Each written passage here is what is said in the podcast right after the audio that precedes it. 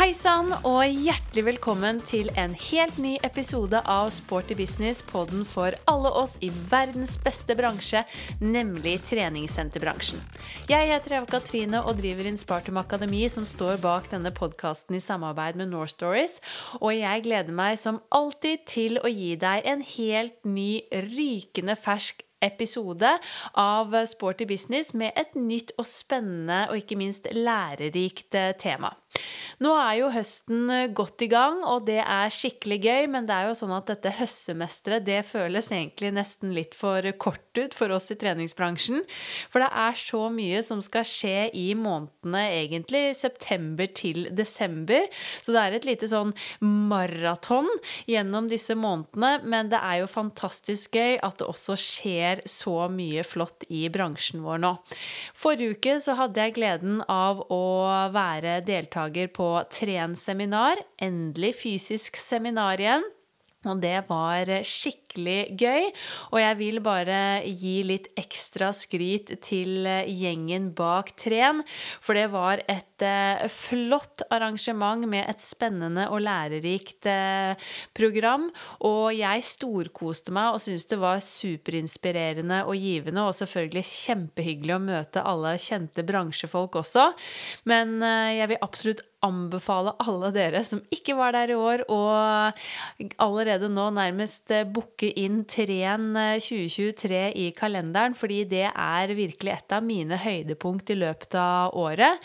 Det er et eh, flott arrangement, og man lærer så mye, så spesielt for alle dere som er ledere i bransjen eller selvstendig næringsdrivende, så vil jeg absolutt anbefale Tren-seminaret på det varmeste. Og nå gleder jeg meg jo videre videre til alt det spennende som skjer i oktober. 15. oktober så går jo NIH-convention av stabelen. Og dagen før, den 14. oktober, så arrangerer vi i Inspartum vår egen lille minikonvensjon Inspartum Boost endelig får vi gjort det igjen.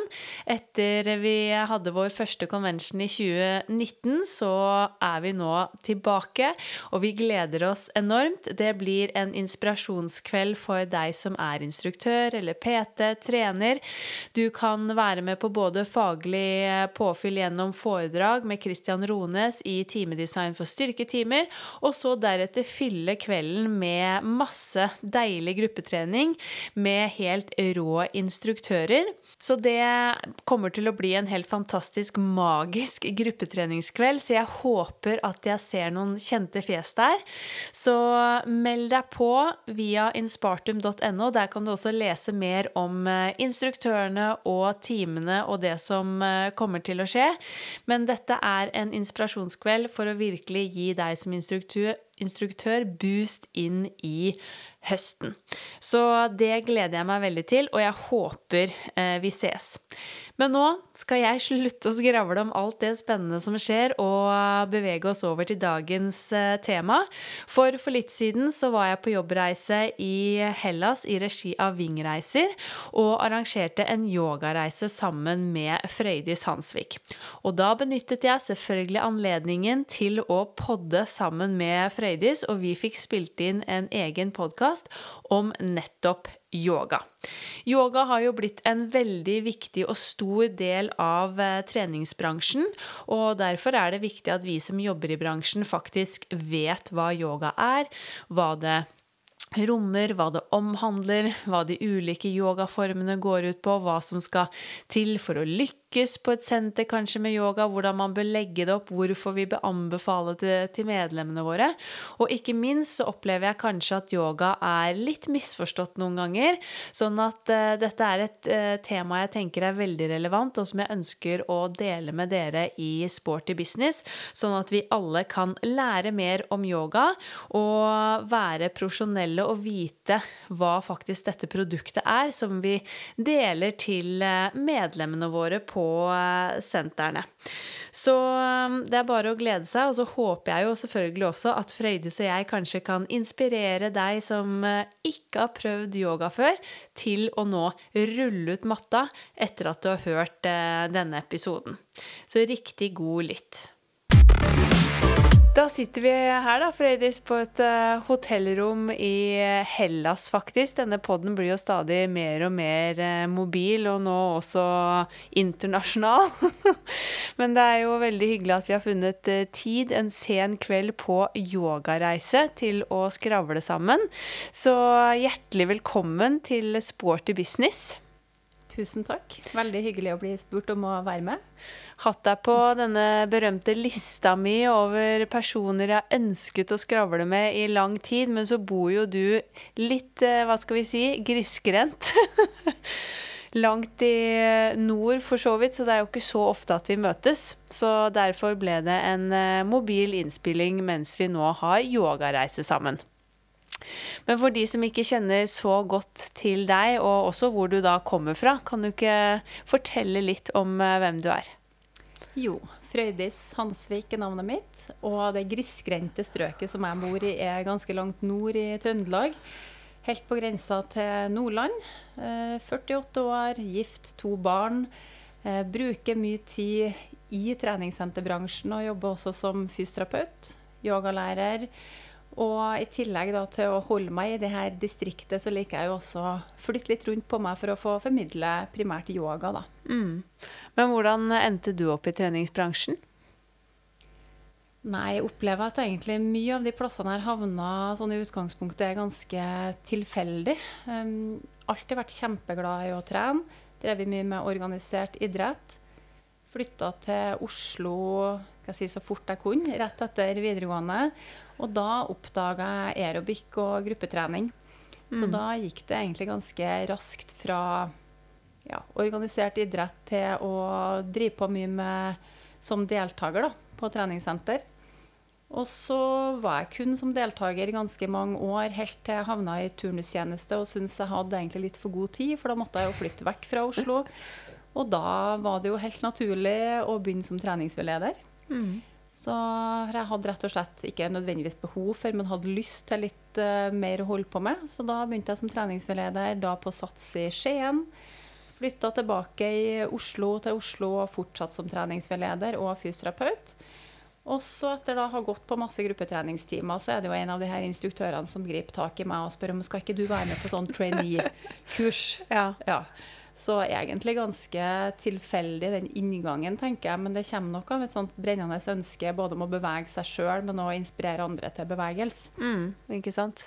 Og nå driver du også treningssenter i Rørvik og gjør diverse andre ting også. Men alt handler jo egentlig om bevegelse. Men kan du ikke fortelle litt om hvordan arbeidshverdagen din ser ut? Jo, uh, skal se, hvilken, hvilke hatter skal jeg ta på meg? Det er ganske mange. Jeg uh, vet du, du spurte meg en gang før, og da sier jeg av og til at jeg jobber som potet. Altså jeg fyller ganske mange ulike funksjoner. Mm. Så jeg driver et lite selvstendig treningssenter sammen med en fysioterapikollega.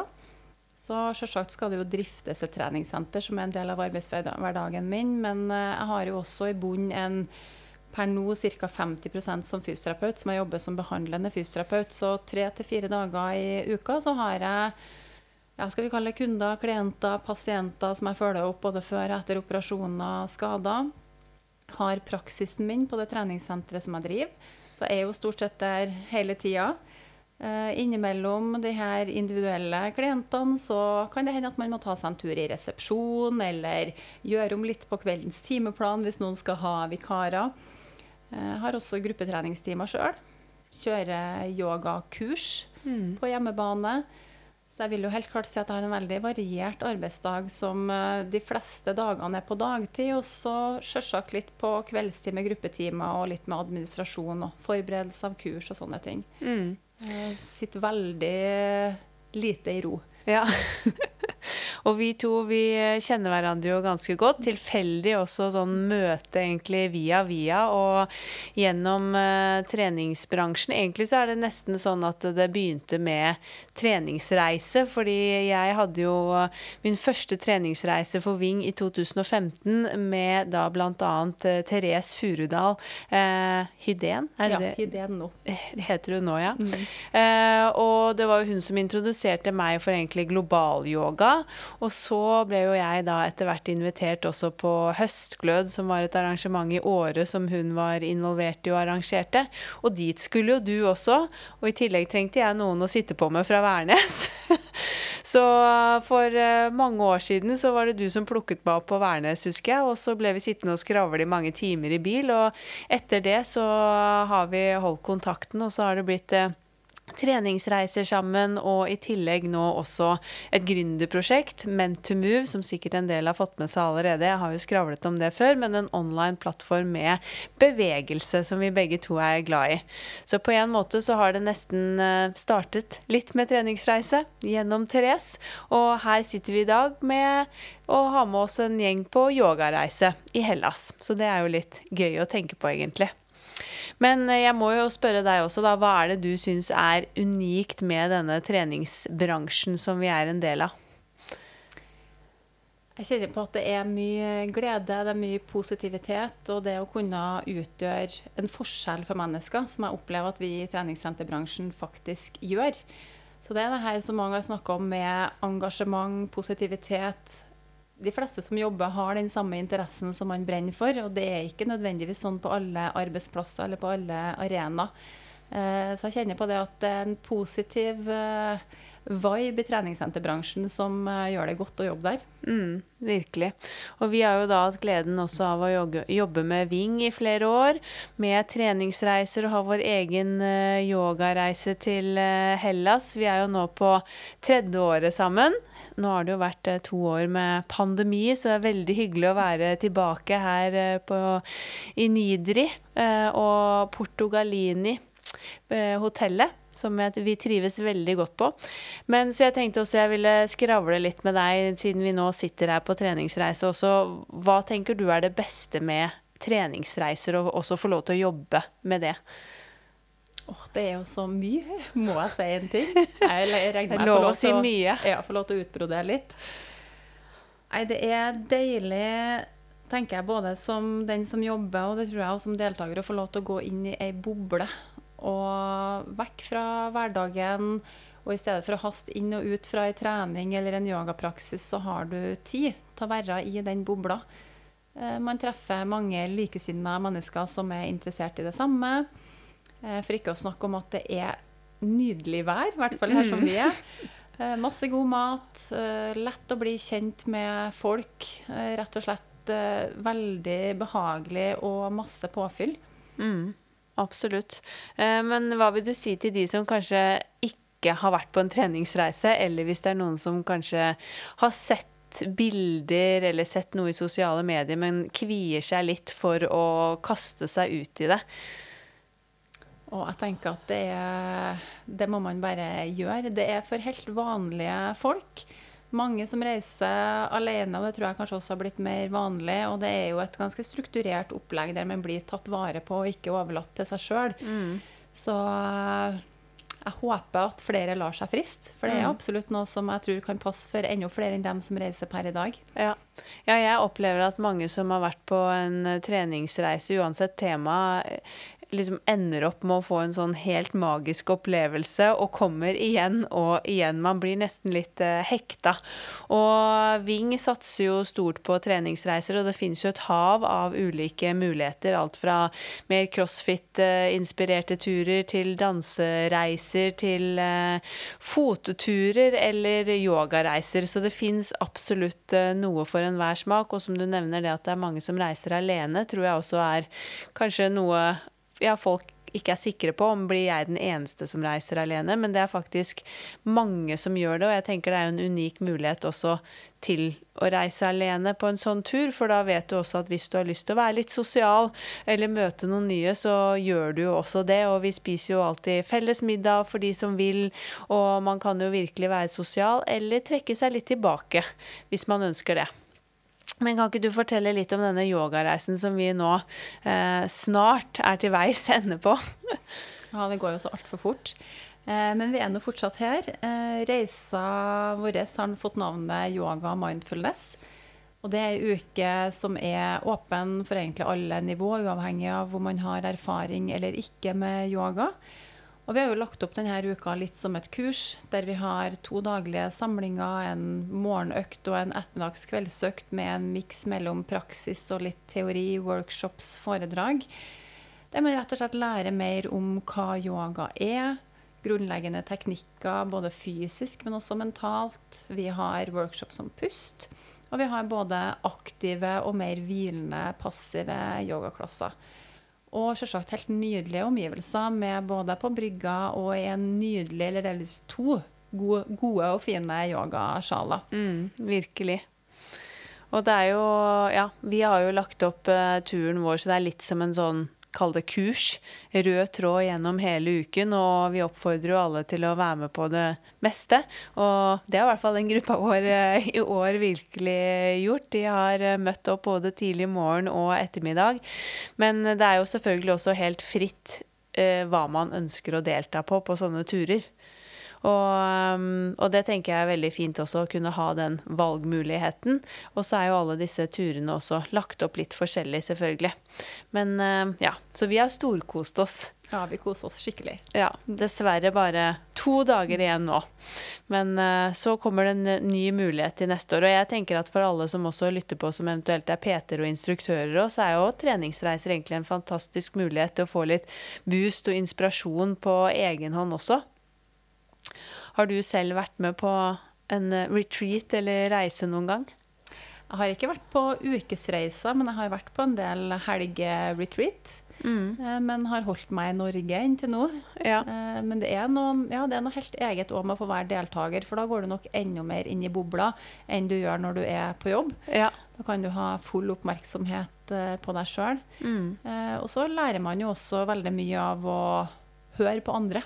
Ja. Jeg tenker jo sånn som vi jobber, så får vi jo anledning til å lytte litt til hverandre og se litt på hverandre, så det er jo en fin måte for oss å få litt inspirasjon på, i hvert fall for meg. Ja, absolutt. Ja, jeg merker alltid at jeg kommer hjem og er enda mer inspirert fra disse reisene. Så, og så er jeg litt misunnelig noen ganger på deltakerne ja. våre.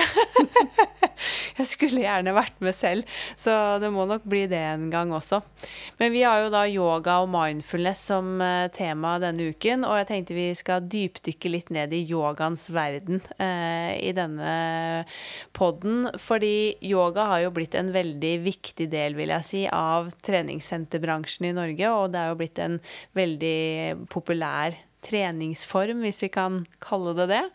Um, men jeg tror det er fortsatt mange av oss også som jobber i bransjen, som egentlig kanskje ikke har noe kjennskap til yoga.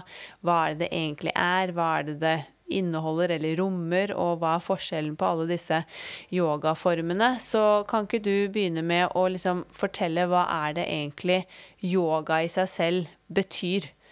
Hva er det? Ja, Det er et kjempestort uh, tema, men hvis vi skal prøve å dra det ned, så kan vi jo gå til selve ordet yoga.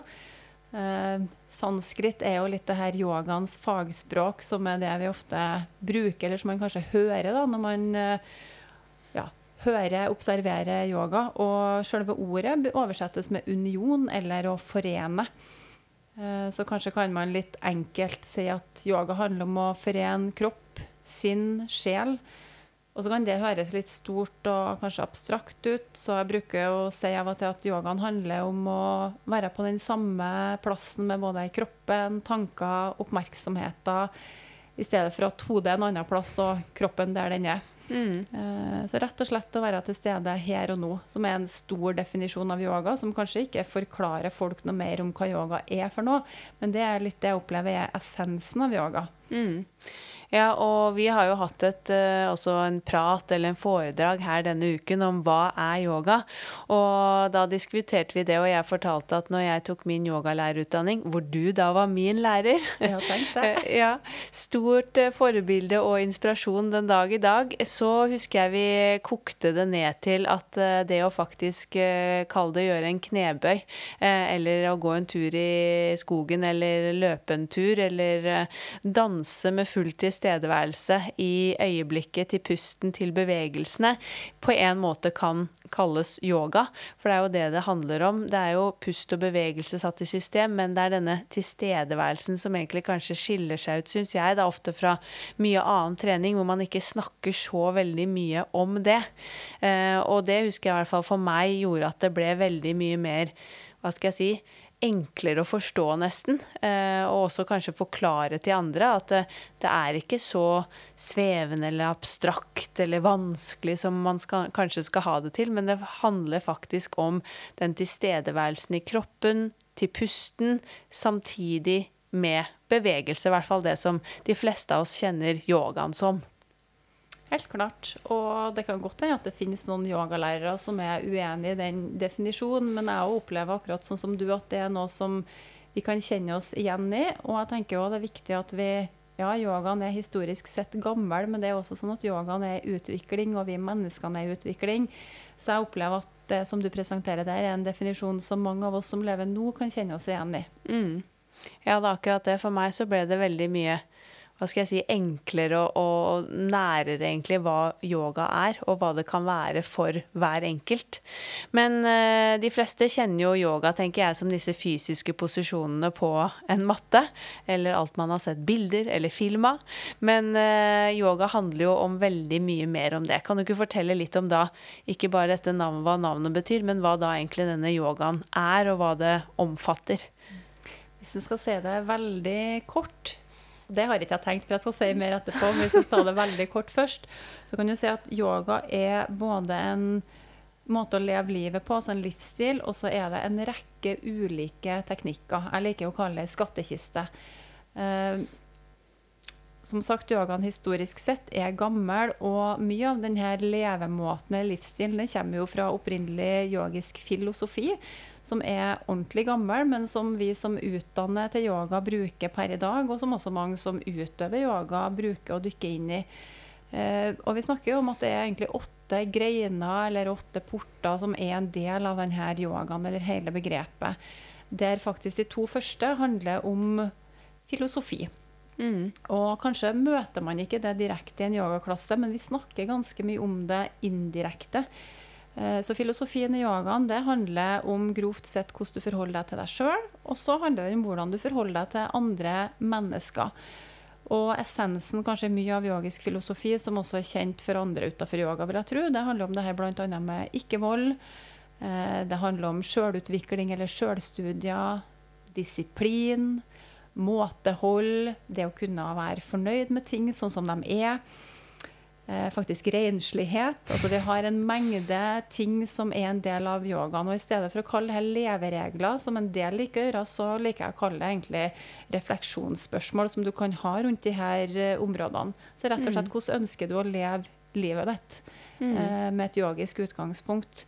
Og det her er noe som vi som sagt veldig ofte fletter inn i yogapraksiser, yogatimer som vi underviser, men som kanskje ikke alltid er så tydelig for deltakerne. Men det er altså en stor del av yogaen, og det er de to første grenene av yogaen. Mm. Og, og på sanskrit heter de Yamas og niyamas. Ja. ja. og da er huskeregelen at ja, yamas det er det du ikke skal gjøre, mens mm. niyamas er det du skal gjøre. Men som sagt, jeg liker å se mer på det her som ja, refleksjonsspørsmål mer enn at det er en regel. Mm. Uh, og jeg tror nok at mange som utøver yoga, tolker det her ganske ulikt. Uh, og det er viktig at det finnes ikke en fasit, men at du sjøl må prøve å finne fram til din egen fasit for å ha et bevisst forhold til det. Mm. Uh, så kommer jo det som veldig mange av oss kjenner yogaen som, nemlig på sanskrit asanas, de fysiske posisjonene. Og når vi snakker om yoga som trening, så er det jo nettopp de her fysiske posisjonene vi tar utgangspunkt i. Så det finnes jo helt klart en mulighet, i hvert fall for veldig mange i yogaen, til å bli både sterkere, til å bli mer bevegelig, få bedre kontakt med kroppen, balanse, koordinasjon. Eh, så kanskje det meste med unntak av utholdenhet tenker at det finnes en god mulighet til å utvikle yogaen hvis det er det man er interessert i. Mm. Eh, så har du også ei grein i forhold til pust, som vi kaller for pranayama. Eh, det handler om både bevissthet på pusten, og så handler det også om en rekke pusteteknikker. Eh, noen av dem kanskje mer kjent, og noen av dem mer ukjent. Eh, for min del så syns jeg veldig mye av magien i yogaen ligger nettopp i pusten. Mm. Eh, og de her ulike pusteteknikkene som du selvsagt kan bruke alt fra å ha en tilstedeværelse, men også både for å øke energi, for å bli beroliga, og også for å balansere deg. Så man tenker at Det er teknikker vi også i stor grad kan bruke utafor yogamatta, som absolutt er overførbar til livet mm, vårt. Absolutt. Og sånn som i toppidretten f.eks., så brukes jo mye sånne teknikker nettopp for å aktivisere spenningsnivået, enten for å fyre opp eller roe ned. Eh, så der er det jo mye brukt, uten at man kanskje bruker eh, nødvendigvis akkurat de teknikkene. Men jeg tenker at vi, ja, hva skal jeg si, vanlige og dødelige, har også veldig stort utbytte av å praktisere disse pusteteknikkene. Mm, helt klart. Og det er jo mer i vinden de siste årene å jobbe med pust òg, uavhengig av om det er i en yogasammenheng eller ikke. Og det er jo kjempemorsomt, syns jeg, at mye av det vi forsker på i Vesten i dag og kommer fram til nå, det er jo ting som yogiser har praktisert i veldig lange tider. Og så ser vi jo det at men faktisk så Det funker jo. Mm. Helt klart. Uh, og så bruker vi ofte å snakke om at yogaen har ei mental side, eller det som handler om meditasjon. Så liksom de greinene som kommer etter de fire første, som der de her posisjonene og pusten kanskje er aller mest kjent, så handler jo det mer om å begynne å jobbe med fokus og konsentrasjon, og gå mot avspenning, og det her med meditasjon. Eh, og så har vi jo denne liksom, siste greina, eller det vi kan kalle målet med sjølve yogaen, som handler om å rett og slett kunne oppleve indre fred. Vi kaller det samadhi på sanskrit. Kjempevanskelig å oversette, men eh, Kanskje harmoni, kanskje indre fred. Denne følelsen av union og være hjemme i seg sjøl. Mm. Uh, som jeg tenker at uh, vi kanskje ikke kan oppleve hele tida, men at vi gjennom yogaen kan få glimt av, sånn at vi også i større grad kan finne det igjen utafor yogamatta. Men uh, denne yogaen består jo, som du sier, da, av veldig mye mer enn bare de fysiske posisjonene. Og det husker jeg også var en sånn åpenbaring for meg når jeg selv tok yogautdannelsen. For jeg var jo mest kjent med fysiske posisjoner og pust. Syns det var veldig interessant og gøy at det omhandler så veldig mye mer, og det, ja, det rommer så veldig mye mer da, enn akkurat den krigerposisjonen som man har sett på en yogamatte. Som gjorde at jeg også selvfølgelig syns at dette egentlig ble enda mer interessant enn hva det kanskje allerede var òg. Eh, og nå er jo vi selvfølgelig hva skal jeg si, inhabile, for vi er jo veldig glad i yoga. Men eh, hva skal man si da til de som er nysgjerrig på yoga, eller hvorfor skal man anbefale yoga? Og det som er litt uh, spesielt, syns jeg, er jo i og med at man har nettopp denne skattkista, så kan du egentlig bruke yogaen til hva som helst. Altså Du kan bruke yogaen til å øve deg på alt som du vil forfine av egenskaper. Så for noen så handler jo det kanskje om fysiske egenskaper, og det er ofte nærliggende å begynne der i vår bransje. At ja, klart Vil du få en bedre bevegelighet, en bedre avspenningsevne, en bedre kroppskontakt, kroppskontroll, så er yogaen absolutt noe for deg. Men yogaen er også her for deg hvis du ønsker å øve deg på fokus og konsentrasjon. Hvis du ønsker å bli bedre til å slappe av. Men òg litt mer det her overførte, kall det egenomsorgen. Hvis du ønsker å øve deg på å bli snillere med deg sjøl, mer tålmodig. Altså Du kan på en måte øve absolutt alt i yogaen, og derfor vi kaller det en praksis òg. Så det er en sånn evig øvelse. Uh, så grunnbudskapet var det egentlig at yogaen er for alle, for det finnes alltid noe du kan øve på. Og mm. til og med om man opplever å ha ganske store helseutfordringer. Altså det kan jo være, Jeg jobber jo i perioder med folk som har ganske store skader, utfordringer. Så puste gjør vi alltid. Vi kan alltid jobbe med pusteteknikker. Vi kan nesten alltid, i hvert fall så fremt man har en viss kognitiv funksjon, jobbe med meditative teknikker, konsentrasjonsteknikker. Eh, så du trenger absolutt ikke å være sprek for å møte opp på yogamatta. Men det handler kanskje mer om å finne den rette yogatimen, eller den rette yogalæreren, for det er så ekstremt stor variasjon. Ja, ja, det er akkurat det. For det, som du sier, det er virkelig noe for alle oss. Og spesielt i treningsbransjen så er det kanskje den fysiske inngangen som er naturlig for mange, inkludert eh, meg selv og egentlig deg også, så vidt ja, jeg vet. Eh, det var jo den gleden av bevegelse og ja, egentlig et fysisk utbytte som var inngangen, og det tror jeg er veldig mange som kommer inn med det som ønske, da, å enten bli sterkere eller spesielt mer bevegelig og mye mykere, kanskje. Og så opplever jeg jo at flere og flere kaller det for sansen for, eller oppdager alle de andre effektene og de mentale effektene, og at man kanskje i større grad også gjør mer og mer yoga etter hvert pga. det, og ikke nødvendigvis akkurat det fysiske utbyttet. Men uh, dette er jo også det kan man jo velge. Og kanskje ønsker man å ha fokus på det fysiske en dag på matta, og en annen dag på pust, og en annen dag på kanskje noe annet eller mer mentale effekter. Så det er jo også noe man kan variere når man praktiserer eh, yoga, hva man ønsker å ha fokus på. Og så nevner jo du at det er enormt stor variasjon, og det er vel kanskje den største utfordringen, tror jeg, for de som er nye til yoga. Eh, og det finnes jo bl.a. et hav av ulike yogaformer. Fra det å stå opp ned og kjøre full guffe, til å ligge godt innpakket i tepper og med store puter og bare kose seg. Eh, så kan du ikke ta oss gjennom eh, liksom de, si, de vanligste yogaformene? Kan jo si først at det aller meste av det vi møter av yoga i Vesten, det er jo fysisk yoga i den forstand at det utøves noen posisjoner, uansett om det er få eller mange. Så den definisjonen som ofte brukes da, er jo rett og slett begrepet hatta-yoga, altså kroppens yoga. All slags fysisk yoga. Og nå er det jo ikke nødvendigvis sånn at alle følger den definisjonen like strengt, for noen kaller jo enkelte retninger innenfor yogaen for hatta-yoga.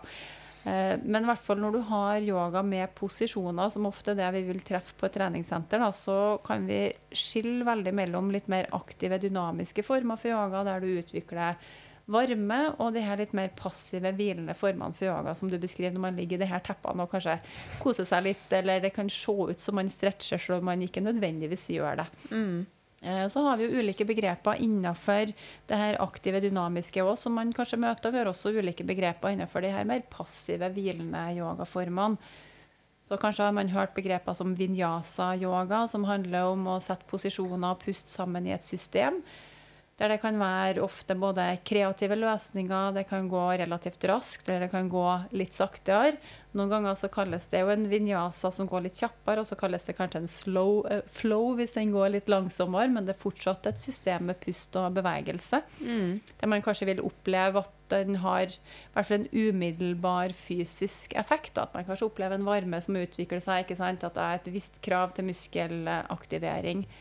Uh, innenfor de her aktive formene så har man slått også navn på retninger som mange sikkert har hørt, som kanskje ashtanga, som er noe som er veldig vanlig i Norge. Som er en vinyasa-form for yoga, men som har et ganske strukturert system der man gjentar de samme posisjonene og gjennomfører serier. Og så har du jo med vinyasa, sånn som jeg og du praktiserer i større grad, som er en fri, kreativ form for yoga, der man i større grad kan møte en variasjon av posisjoner. Mm. Og i samme slekt som det, så har man jo f.eks. jivamukti-yoga, som også er en vinyasa-yoga. Kundalini-yoga, altså mange ulike former, men som selvsagt i tillegg også vil være avhengig av hvilken lærer som underviser. Mm. Uh, i det her passive yogaformene så kanskje det vi ser mest eh, nå, i hvert fall er jo yin-yoga, som er veldig vind, opplever. Man ligger og hviler seg, eller i hvert fall tilnærma hvile seg i posisjoner noen minutter for å skape sirkulasjon, glidning i bindevev, samtidig som man jobber med avspenning, tilstedeværelse, til dels også tradisjonell kinesisk medisin. Man har restorative yoga, som er på en måte enda langsommere enn yin, der man ligger med masse støtte og kanskje ligger enda lenger i yogaposisjoner. Kanskje har man også hørt om yoga nidra, der man hviler i én posisjon gjennom en guida avspenning. Mm. Um, så det er jo mange former innenfor aktiv yoga, mange former innenfor passiv yoga også. Ja. Og det tror jeg er viktig selvfølgelig for alle oss i bransjen å ha et kjennskap til og formidle til alle de vi møter, og til de som uh, også er nysgjerrige på å teste ut yoga, at det er så viktig å prøve ut forskjellige ting, da, eller i hvert fall gjøre seg litt kjent med hva disse ulike formene er. For det er jo ikke sånn at uh, du nødvendigvis uh, liker det du kommer på første gangen, og bare viktig da å ha i bakhodet at det er ikke yoga, fordi det er et så enormt stor, stor variasjon innenfor yogaens verden. Så da gjelder det å være flink og teste ut flere ulike ting, og også ulike yogalærere, sånn at man kan finne noe man trives med. Eh, og jeg personlig har jo i starten jeg begynte med yoga, altså jeg hatet virkelig yoga. Altså jeg møtte på et sånn klassisk yogakurs i 2007. og det var så grusomt, egentlig. Altså, det gikk så tregt, og jeg var altfor utålmodig og rastløs. Og det var, jeg følte at alle var sånne slangemennesker rundt meg, og alt var stivt og stølt etter å ha holdt på med liksom, ridning og fotball i alle år. Og det var en veldig spirituell lærer. Han var sikkert flink, men bare traff ikke meg overhodet. Og jeg skjønte ikke greia og syntes egentlig det var helt forferdelig. Og sa at dette skal jeg aldri gjøre igjen. Fordi jeg trodde jo at det var yoga. Eh, og så var det egentlig denne nysgjerrigheten rundt begrepet yoga som gjorde at jeg etter hvert testet flere ting. For det var jo så mange som fortalte så mye ja, lovord om denne yogaen, og de syntes jo det var så fantastisk. Og eh, altså, mennesker over hele verden praktiserer yoga, så tenkte jeg det må jo være noe jeg har missa her. At når det er så mange mennesker som trives med yoga. Og det gjorde jo at jeg på en måte begynte litt en sånn leten. Jeg var litt sånn nysgjerrig og testet ut flere ting. Og det var jo da jeg også forsto at oi, her fins det masse forskjellig. Og etter hvert så fant jeg en lærer og en time som var litt mer sånn full rulle, og det var litt mer action som passet meg veldig bra da. Og mer fysisk preg og litt mer jordnært. Og så har man jo bygget liksom trinn på trinn i denne utviklingen og egentlig en sånn modningsprosess. Men det er i hvert fall mitt beste råd til alle de som er nysgjerrig på yoga. At man må teste ut ulike ting. Eh, og um, jeg kan veldig lite om kundalini-yoga, men jeg har også vært på det en gang. Og da det var i denne fasen hvor jeg drev og testet ut litt ting, fortsatt veldig kritisk til yoga. Og da ble jeg sittende og sjante og synge i 90 minutter, og jeg trodde jeg skulle Ja, altså jeg hadde veldig lyst til å gå, og syntes jo dette var selvfølgelig veldig kleint og ubehagelig. Eh, og hadde det også vært mitt første møte med yoga, så hadde jeg antageligvis aldri kommet tilbake. Men så kan det være hvis du hadde vært en annen person, så hadde det vært full klaff. Og det er yes. jo det som er liksom gåta og magien med yoga. Og jeg tror Er du ny til yoga, så handler det om å finne ut hva er det du opplever sjøl at du har behov for, hva er det du er interessert i, og så etterspør det. Uh, og rett og slett hvis du ser deg ut uh, treningssenter eller ulike plasser som har yoga, så forhør deg. Hvilken type yoga er det dere har? Hva er det den læreren der tilbyr? Fordi nettopp når det er en sånn jungel, så tenker jeg du har jo vært ekstremt tålmodig. Og jeg kjenner meg jo faktisk ganske godt igjen. Jeg brukte sikkert fem-seks år jeg òg før jeg på en måte kjente at det løsna og jeg fant en yogaform som jeg likte, og faktisk valgte å ta en utdannelse innafor. Mm. Men jeg tror nok at mange er ikke så tålmodige. Eh, så for å gjøre liksom, feilmarginene litt mindre, så tror jeg på liksom, land litt i Vil jeg ha den her rolige, stille formen, den aktive formen? Er jeg ute etter noe som er mer spirituelt, åndelig? Uh, søker jeg noe som er litt mer leik og full rulle. For som sagt, alt, alt finnes innenfor yogaen. Og sånn som jeg ser det, så er det ikke noe som er mer yoga eller bedre yoga enn noe annet, men det handler bare om litt ulike inngangsporter. Mm. Og det er klart man, jeg tror for mange når man praktiserer yoga, det som gjør at vi velger å fortsette, uansett på en måte hvilken form vi praktiserer, så handler det jo litt om den der, ja, den gode følelsen du får etterpå. liksom den der, det bare åh, ja, det er sånn det er å oppleve harmoni, eller det er sånn det er å være i balanse. Og så går selvsagt det over, men det gjør jo at man vil tilbake. Kjenner jeg det sånn sug og dragning mot å komme tilbake. Mm, virkelig. Men hva vil du si til alle som da kanskje fortsatt kvier seg til å gå på yogamatten, eller som ennå ikke har vært på sin første time, eller også hva vi i bransjen kan si for å kanskje få folk med fordommer da mot yogaen inn på matta? Jeg tenker i hvert fall at En viktig ting vi kan gjøre Nå er jo vi allerede kasta ut noen begrep på sanskrit i dag. Riktignok og prøvd å forklare dem, men jeg tror det viktigste i hvert fall vi i bransjen kan gjøre, det er å prøve å holde oss til et folkelig og jordnært språk og faktisk snakke om hva yoga er og betyr for oss også som utøver det. Det er ikke alltid høytsvevende. Det er ganske jordnære, enkle, men ikke nødvendigvis lette ting vi jobber med. Mm. Eh, og så er det jo alltid vanskelig å overbevise folk om, uh, om, at de skal noe. For all del, det er jo ingen som må noe som helst. Men jeg tror det handler om å kunne formidle det om at yogaen er ganske så mangfoldig. Sånn at du, du, kommer til å finne en yoga som passer for deg. Det fins en yoga som passer for deg, og du trenger ikke å være mjuk, du trenger ikke å være sterk. Eh, alt det her er jo egenskaper som du kan utvikle på yogamatta. Eh, mm. Ja, så har vi nok en liten jobb med å gå i oss sjøl, for vi formidler kanskje mye både i sosiale medier og ellers uh, yogaformer som kanskje der og da ikke nødvendigvis virker så tilgjengelig for folk. Og det kan jeg jo av og til ta meg sjøl, i òg.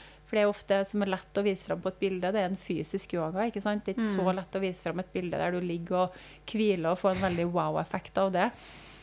Eh, men jeg vil absolutt oppfordre folk til å prøve. Mm. Helt klart. Det Ja. er ingen risiko. Nei. Å være tålmodig og eventuelt eh, ja, teste ut eh, hjemme, f.eks. Hvis man kvier seg for å gå på matta på treningssenter. Helt klart en veldig fin inngang kan være å teste ut hjemme i sin egen stue. Nå finnes det jo en rekke online-tilbud som er tilgjengelig på markedet. Og med litt egenreklame så kan vi jo reklamere litt for oss sjøl i Meant to Move også. Vi har jo bl.a. introduksjonskurs til yoga. Og jeg tenker det å kunne få lov til å ta ting i egen takt, starte og stoppe en film. Noen kan bli veldig sjølbevisst hvis de går på et senter, og vi er jo ofte i de her flerbrukssalene nå der det finnes speil, ikke sant. Eh, Så kanskje det å få lov til å få lov, ja, rett og slett være litt i fred, litt for seg sjøl, kan være en fin inngang for mange. Og det finnes jo også det finnes jo et eh, kjempeutvalg her av online-tilbud som du kan bruke. Helt Ja. klart. Mm, absolutt. Men uh, hva tenker du med Altså for treningsbransjen, nå finnes det jo både Det finnes jo mange yogastudioer som er uh, spesialiserer seg på yoga, men yoga er jo en viktig del av veldig mange andre treningssentre også. Hva skal til for å lykkes med yogatilbudet på et uh, vanlig treningssenter, tenker du? Tenker litt det samme for å, altså måte for å lykkes med alt av grupper. Du, først så må du sørge for å ha kompetansen på plass. eh, Sånn at den som skal formidle denne yogaen, den eller dem faktisk har kompetanse om det. Du kan være utrolig flink til å undervise annen gruppetrening, men om du ikke har yogakompetansen, da vil du ikke kunne gi folk den opplevelsen og den forståelsen av yogaen som yogaen faktisk fortjener. Og for ikke å snakke om som medlemmene fortjener. Så det tenker jeg jo er det aller, aller viktigste, at man må ha kompetansen på plass og ta det seriøst som alt annet. Uh, og det finnes helt sikkert eh, personer som er flinke, som ikke nødvendigvis har en formell uh, utdannelse, men man er mye mer på den sikre sida hvis folk har en formell utdanning. Mm. Eh, Så det er i hvert fall den ene sida. Og så tror jeg jo også som treningssenter så må man ta en jobb og prøve å nå ut og formidle hvilken type yoga er det man tilbyr, da. Være Mhm. litt tydelig på det, eh, sånn at det kanskje kan avmystifiseres litt i forhold til potensielle kunder og medlemmer, for å få både eksisterende medlemmer til å komme, men også dra inn nye medlemmer. For jeg tenker at yogaen er en måte å øke mangfold på treningssentrene. Ja. Hvilke timer tenker du er mest relevant å ha på en timeplan? Jeg tenker jo litt sånn som både jeg og du kan kjenne oss igjen i at er du i treningssenterbransjen, så er det veldig nærliggende å søke en fysisk effekt av yogaen. Så jeg tenker nok at har man kun én time eller noen få timer man skal velge, så vil jeg tro at det kan være fornuftig å starte med en type aktiv, dynamisk yoga. Som kanskje ikke er altfor avansert, i hvert fall hvis man ikke har hatt noe yogatilbud fra før. Sånn at det finnes en mulighet for folk, vanlige folk, å komme dit uten all verdens yogaerfaring og fortsatt kunne få noe ut av det. Gjerne type nybegynnertimer innenfor det segmentet også, hvis man har anledning til det og ikke har hatt noe yogatilbud tidligere. Mm. Må man eh, ha liksom, tilrettelagt yogasal, en varm sal, for å lykkes?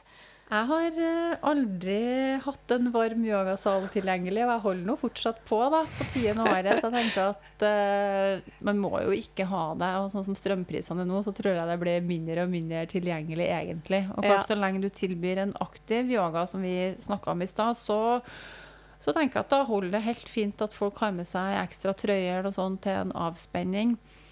Uh, og så er det jo også sånn, nå kom jo jeg, jeg kom ikke lenger enn til å snakke om én type yoga på treningssenter med tilbud, men jeg tenker jo at hvis man har anledning til å ha flere timer, har kompetansen, så vil jeg absolutt også anbefale å ha en hvilende yogaform, fordi det er noe som veldig mange har behov for. Både folk som trener mye, men også personer som kanskje ikke er i all verdens form, og som trenger mjuk tilnærming til både yoga og trening. Og klart at da En iskald flerbrukssal er ikke det beste, men jeg har kjørt yin-kurs i mange år, og man kommer langt med ullklær og et ekstra teppe og Ja. ja.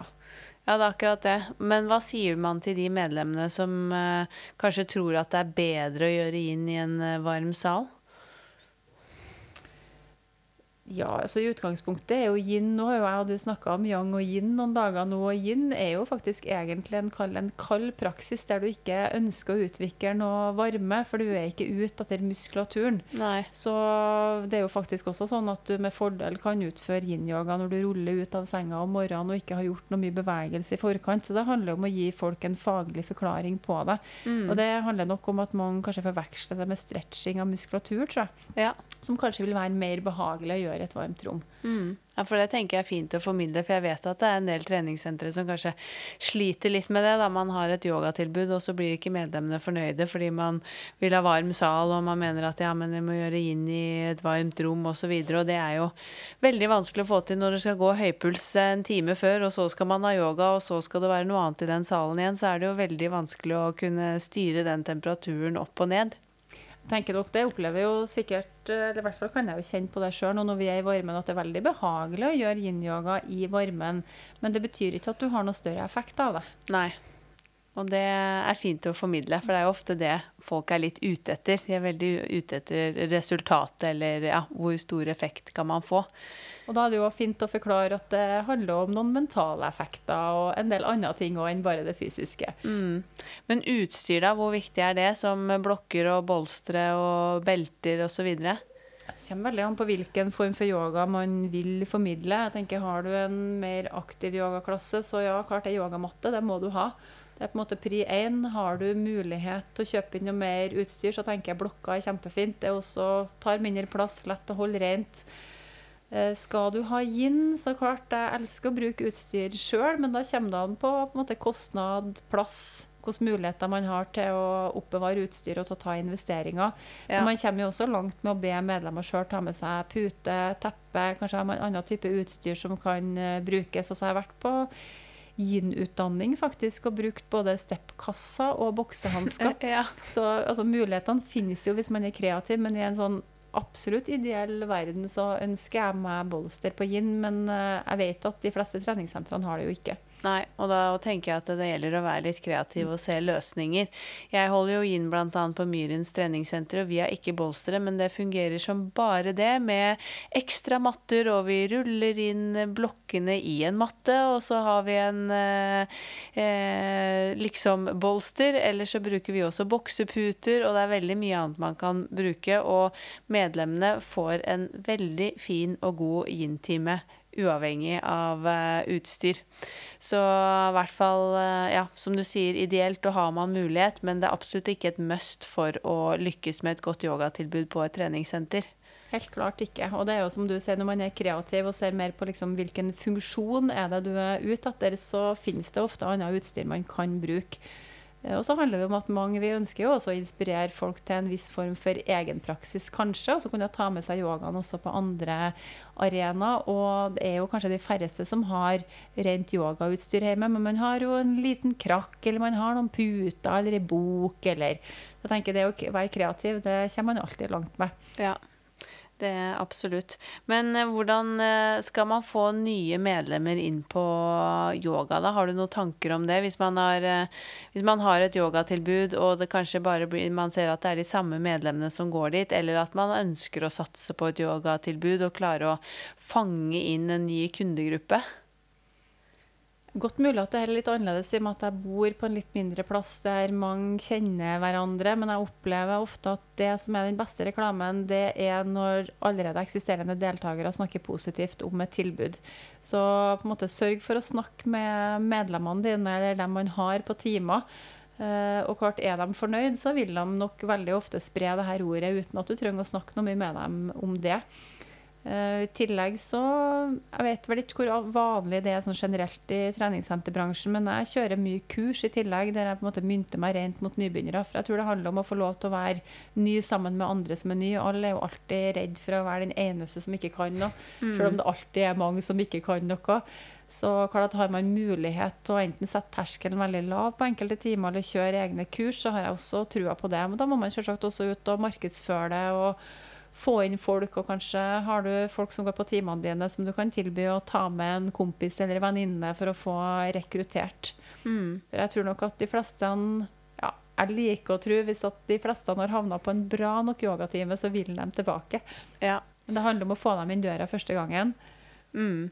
Ja, det er akkurat det. Og jeg tror kurs kan være en veldig fin inngang. Og det er jo flott hvis man kan ha det som et tilbud på et senter også. For det er jo litt Selv om man sier at um, på matta så kan du gjøre akkurat som du vil, og man kan jo praktisere yoga sammen med ulikt utgangspunkt. Altså en som har praktisert i mange år, og de som er nye, kan jo egentlig være med på den samme timen.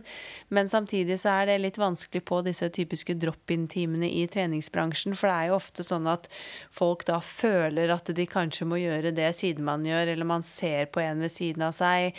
Eller så må du som instruktør gi veldig mange ulike alternativer, og så er det vanskelig for folk å oppfatte det og få det med seg. Og så kanskje man kaster seg med på noe som eh, Eller på et alternativ som man egentlig burde ha eh, stått over. Og det er ikke like lett å liksom få igjennom det på en sånn drop-in-time. Så kunne ha um, nybegynnerkurs tror jeg også er veldig fint. Jeg tenker Det er jo også en mulighet for å ha inntjening på kurs hvis man er interessert i det. Måtte sette en egen pris for et nybegynnerkurs. For det er utrolig hvor motiverende det er for folk å betale for et kurs over et visst antall uker. Da møter mange opp i større grad enn på rene drop-in-timer. Mm.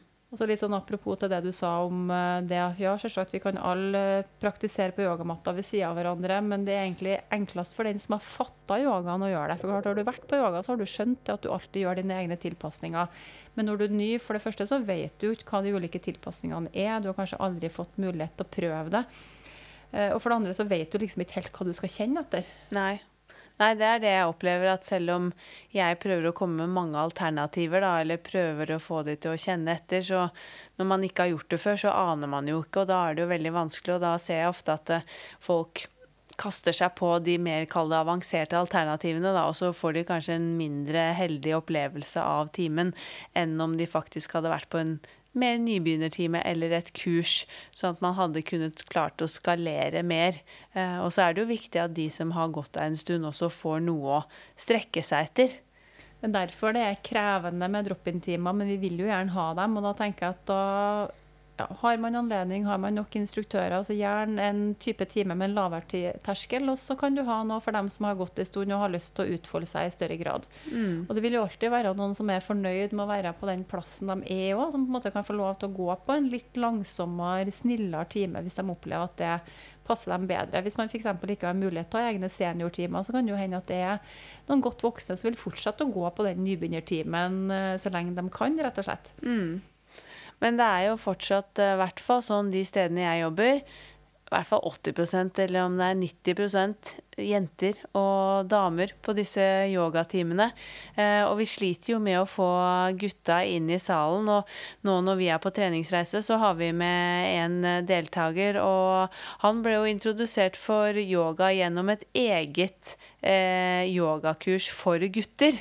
Eh, og det har jeg tenkt på i mange år også, for jeg tror kanskje terskelen er litt lavere da. Men har du noen tanker om hvordan vi skal klare å få disse mannfolka inn i salen? Hmm, nei, jeg skal være helt ærlig og si at jeg har ikke satsa så mye på de mannfolkene, for jeg har hatt mer enn nok å gjort. Jeg har vært heldig og hatt mye fulle kurs med damer, men jeg ser jo helt klart for ei gruppe sin del, og for ikke å snakke om flere mannfolkene sin del, så hadde de jo hatt veldig godt av det. Så jeg tenker jo Altså har man kapasitet, er kundegrunnlaget stort nok, så gjerne yoga for boys, altså, eller for menn, eller hva man vil kalle det for noe. Mm. Eh, tror jeg nok helt klart kan være noe.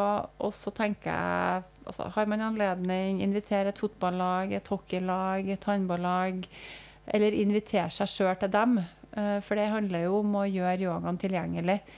Eh, og så tror jeg nok at vi, mange av oss kvinnelige yogalærere kan gå litt i oss sjøl òg. For det kan jo bli Det er ikke noe galt med å føle, og vi oppfordrer folk til det, men vi kan kanskje ofte bruke et språk som er ganske feminint, som kan virke litt ekskluderende.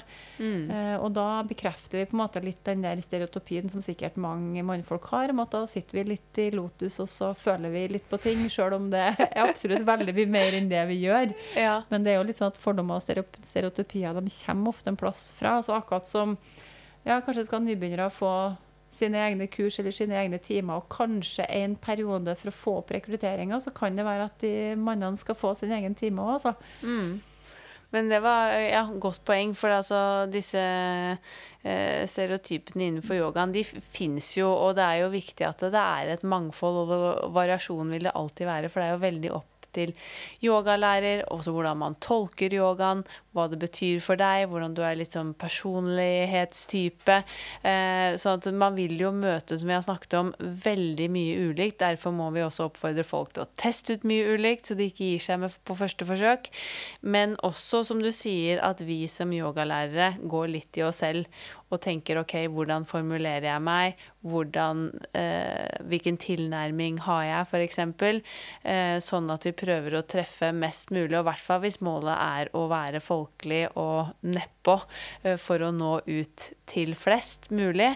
Og det er jo lett å gå i den fellen òg, at man plutselig begynner å snakke litt for vanskelig fordi man selv kan det så godt. Og da er jo også et godt tips også, i hvert fall for alle som er instruktører eller ja, og yogalærere, å eh, gå på kurs, utdanning og time selv og kjenne på det å være nybegynner. Helt klart. Vi har utrolig godt av å være nybegynnere alle sammen eh, innimellom. Kjenne på, ja, kjenne på den følelsen av å ikke mestre, kanskje, eller ja, å være helt ny i salen. Det lærer man jo veldig, veldig mye av. Men når det gjelder treningsbransjen generelt, da, hvordan syns du at vi gjør jobben vår i dag? Det er jo et fantastisk tilbud. Alt fra yoga til eh, crossfit-inspirerte timer. Man har jo hele spekteret. Men eh, hvordan syns du vi fremstår som en folkehelseaktør? Jeg vil si at For dem som bruker bransjen vår, så er vi jo en bra folkehelseaktør. og Det tror jeg vi ser spesielt i forbindelse med den pandemien som har vært, og alle som har mista et tilbud, og at den generelle helsa i befolkninga faktisk har gått ned når treningssentrene har vært stengt.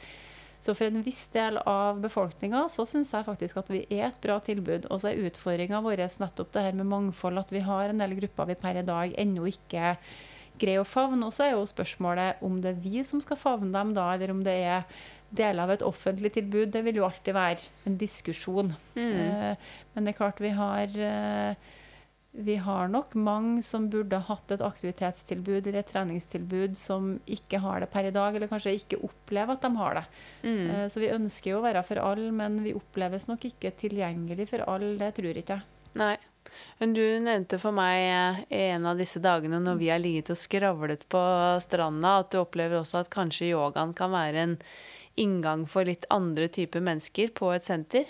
Ja, jeg ser jo sånn som jeg sjøl som jeg litt, har litt to roller. At jeg både holder selvstendige kurs, men også inn og drifter et senter og har yogaklasser på et treningssenter og andre gruppetreningstimer på et treningssenter. At når jeg har kurs eller kanskje nybegynnertimer, så får jeg inn personer som kanskje ikke vanligvis ville ha kommet til meg på et treningssenter. Mm. Uh, og det kan handle om at det ofte kanskje litt fordi at jeg jobber også som fysioterapeut, men det kan være personer som plages med ulike vondter, som kanskje opplever at terskelen er for høy ellers. Men det kan også være personer som kanskje i mindre grad er opptatt av den fysiske sida av yogaen, men som er opptatt av den mentale delen eller en avspenningsdel av yogaen. Og jeg tenker Hvis man er opptatt av å formidle et helhetlig syn på helse, så er det jo også sånn at yogaen dekker nok ikke alle behov, absolutt alle behov. Og har du først fått folk innenfor døra di, om det så er på en yogaklasse eller noe annet, så har du også en mulighet til å pense dem inn på andre tilbud etter hvert. Mm. Så kanskje den personen som har gått på yoga til deg, fortsetter å gå på yoga, men begynner også på spinning. Eller får hjelp til å komme seg i gang med styrketreningsøkt i studio med egentrening i uka. Mm. Uh, så jeg tenker at egentlig jo mer ulikt vi har på en timeplan, forutsatt at vi har som sagt denne kompetansen, jo større mangfold, mangfold har vi mulighet til å få inn. Mm. Helt klart. Og det er jo ikke sånn heller eh, Det var en liten digresjon, men jeg bare kom på det, dette med at jeg opplever at kanskje mange tror at hvis man driver med yoga, så gjør man bare yoga. Men eh, det kan jo kombineres med veldig mye annet. Og jeg vet, jeg vet jo også, men du trener jo ikke bare yoga, du. Nei, jeg gjør ikke det, vet du. Nei. Det er, jeg har jo som sagt min eh, bakgrunn som gruppetreningsinstruktør og har jo fortsatt noen timer med det. Og jeg tenker at for meg har jo yogaen blitt som jeg snakka med deg om, eller som vi har snakka om på utdanning òg, at jeg føler at det er noe jeg kan inkludere egentlig alle former for bevegelser. Så jeg er også glad i å springe, og jeg trener styrke og er veldig glad i å bruke årstidene til å variere. Så på vinteren så går jeg på ski, og på sommeren så prøver jeg å komme meg på fjellet og få på meg løpeskoene. og sånn. Og klart de fleste vil nok eh, oppleve at de kanskje ja, er på yoga en gang i uka, og så har de kanskje noen andre treningsformer som de gjør i tillegg. Ja. Og Så fremt de ikke blir helt hekta på yoga, da, sånn Ja. som vi er i perioder. Da kan det hende at det blir daglig yoga, og så blir det litt annen trening innimellom. Ja, og det òg tenker jeg er fint å formidle, for i hvert fall hvis jeg ser tilbake på meg selv, da når jeg ikke var kjent med yoga, og også veldig skeptisk og kritisk, så ble jeg jo ofte også servert på en måte en yoga som opplevdes veldig streng, kanskje, og at det var mye regler, og at det måtte være sånn, og du kunne ikke gjøre sånn, og nesten litt den opplevelsen at hvis du først skulle gjøre yoga, da var det yoga du gjorde. Eh, og det òg tror jeg er viktig å formidle at eh, ja, selvfølgelig for noen så er det eh, sånn, og det kommer an på hvordan man også da ja, tolker alt fra filosofien, eller hvor viktig det blir for deg i livet, eller hva man ønsker selvfølgelig å fylle eh, hverdag og fritid med. Men det trenger absolutt ikke å være sånn heller.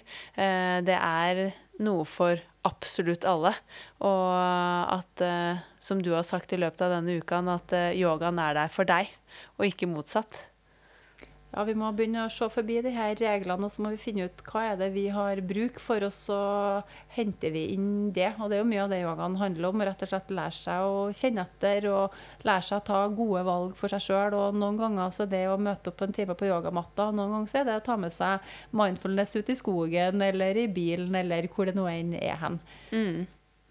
Og det syns jeg er veldig, veldig fint med det.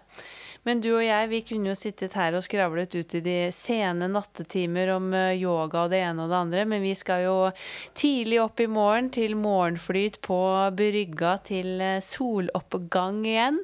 Eh, Så vi skal begynne å runde av, men har du noen sånne siste tips eller noe på hjertet som du vil formidle når det kommer til det å dele yoga til folket, eller hvordan man kan gjøre det på en god måte. Tror det handler også om å våge å være litt personlig.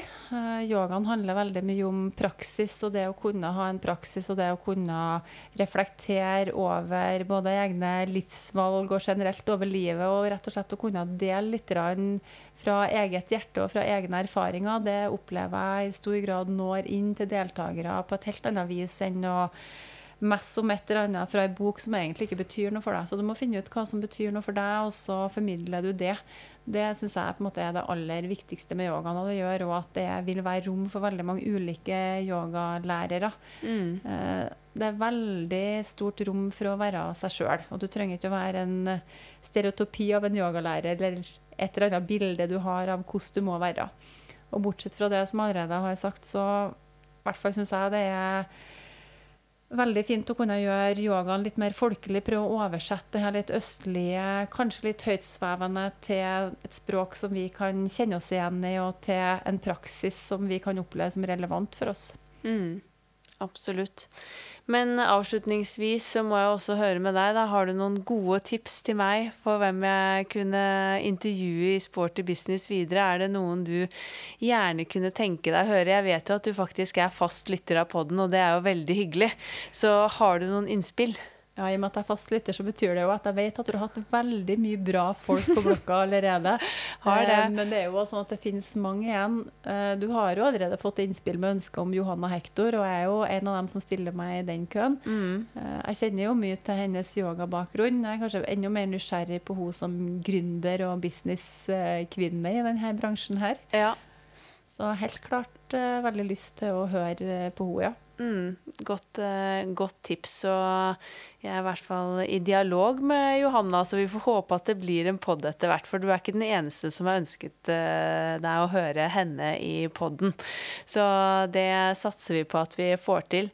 Men da tror jeg vi skal eh, begynne å ta kvelden etter hvert, ja, og forberede oss til å rulle ut matta igjen eh, i morgen tidlig. Og så sier jeg bare tusen hjertelig takk for at eh, du tok deg tid en sen kveld i Hellas for litt eh, yogaprat til lytterne våre.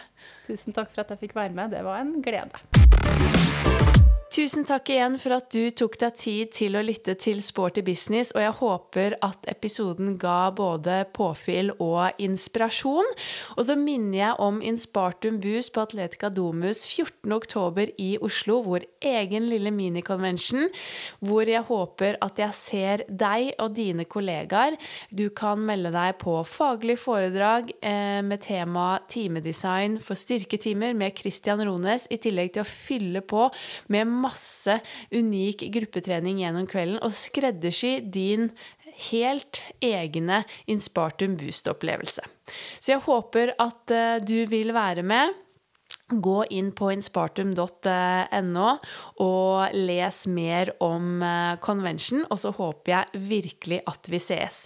Bli gjerne med i Facebook Facebook-gruppen vår også, Sporty Business, og følg oss gjerne i sosiale medier, gjerne på inspartum.no og at Sporty Business Podcast. Vi poddes igjen om akkurat to uker, og da kan du glede deg til en spennende og lærerik pod om uh, denne nye standarden, den europeiske standarden som er utviklet for uh, treningssenterbransjen vår, med Anne Sigrid Stiklestad Christoffersen og Jakob Mehus, som er administrerende direktør i Standard i Norge. Så den er det bare å glede seg til. Ha en strålende og sporty uke videre. Vi poddes. Denne podkasten produseres av Inspartum Akademi og North Stories.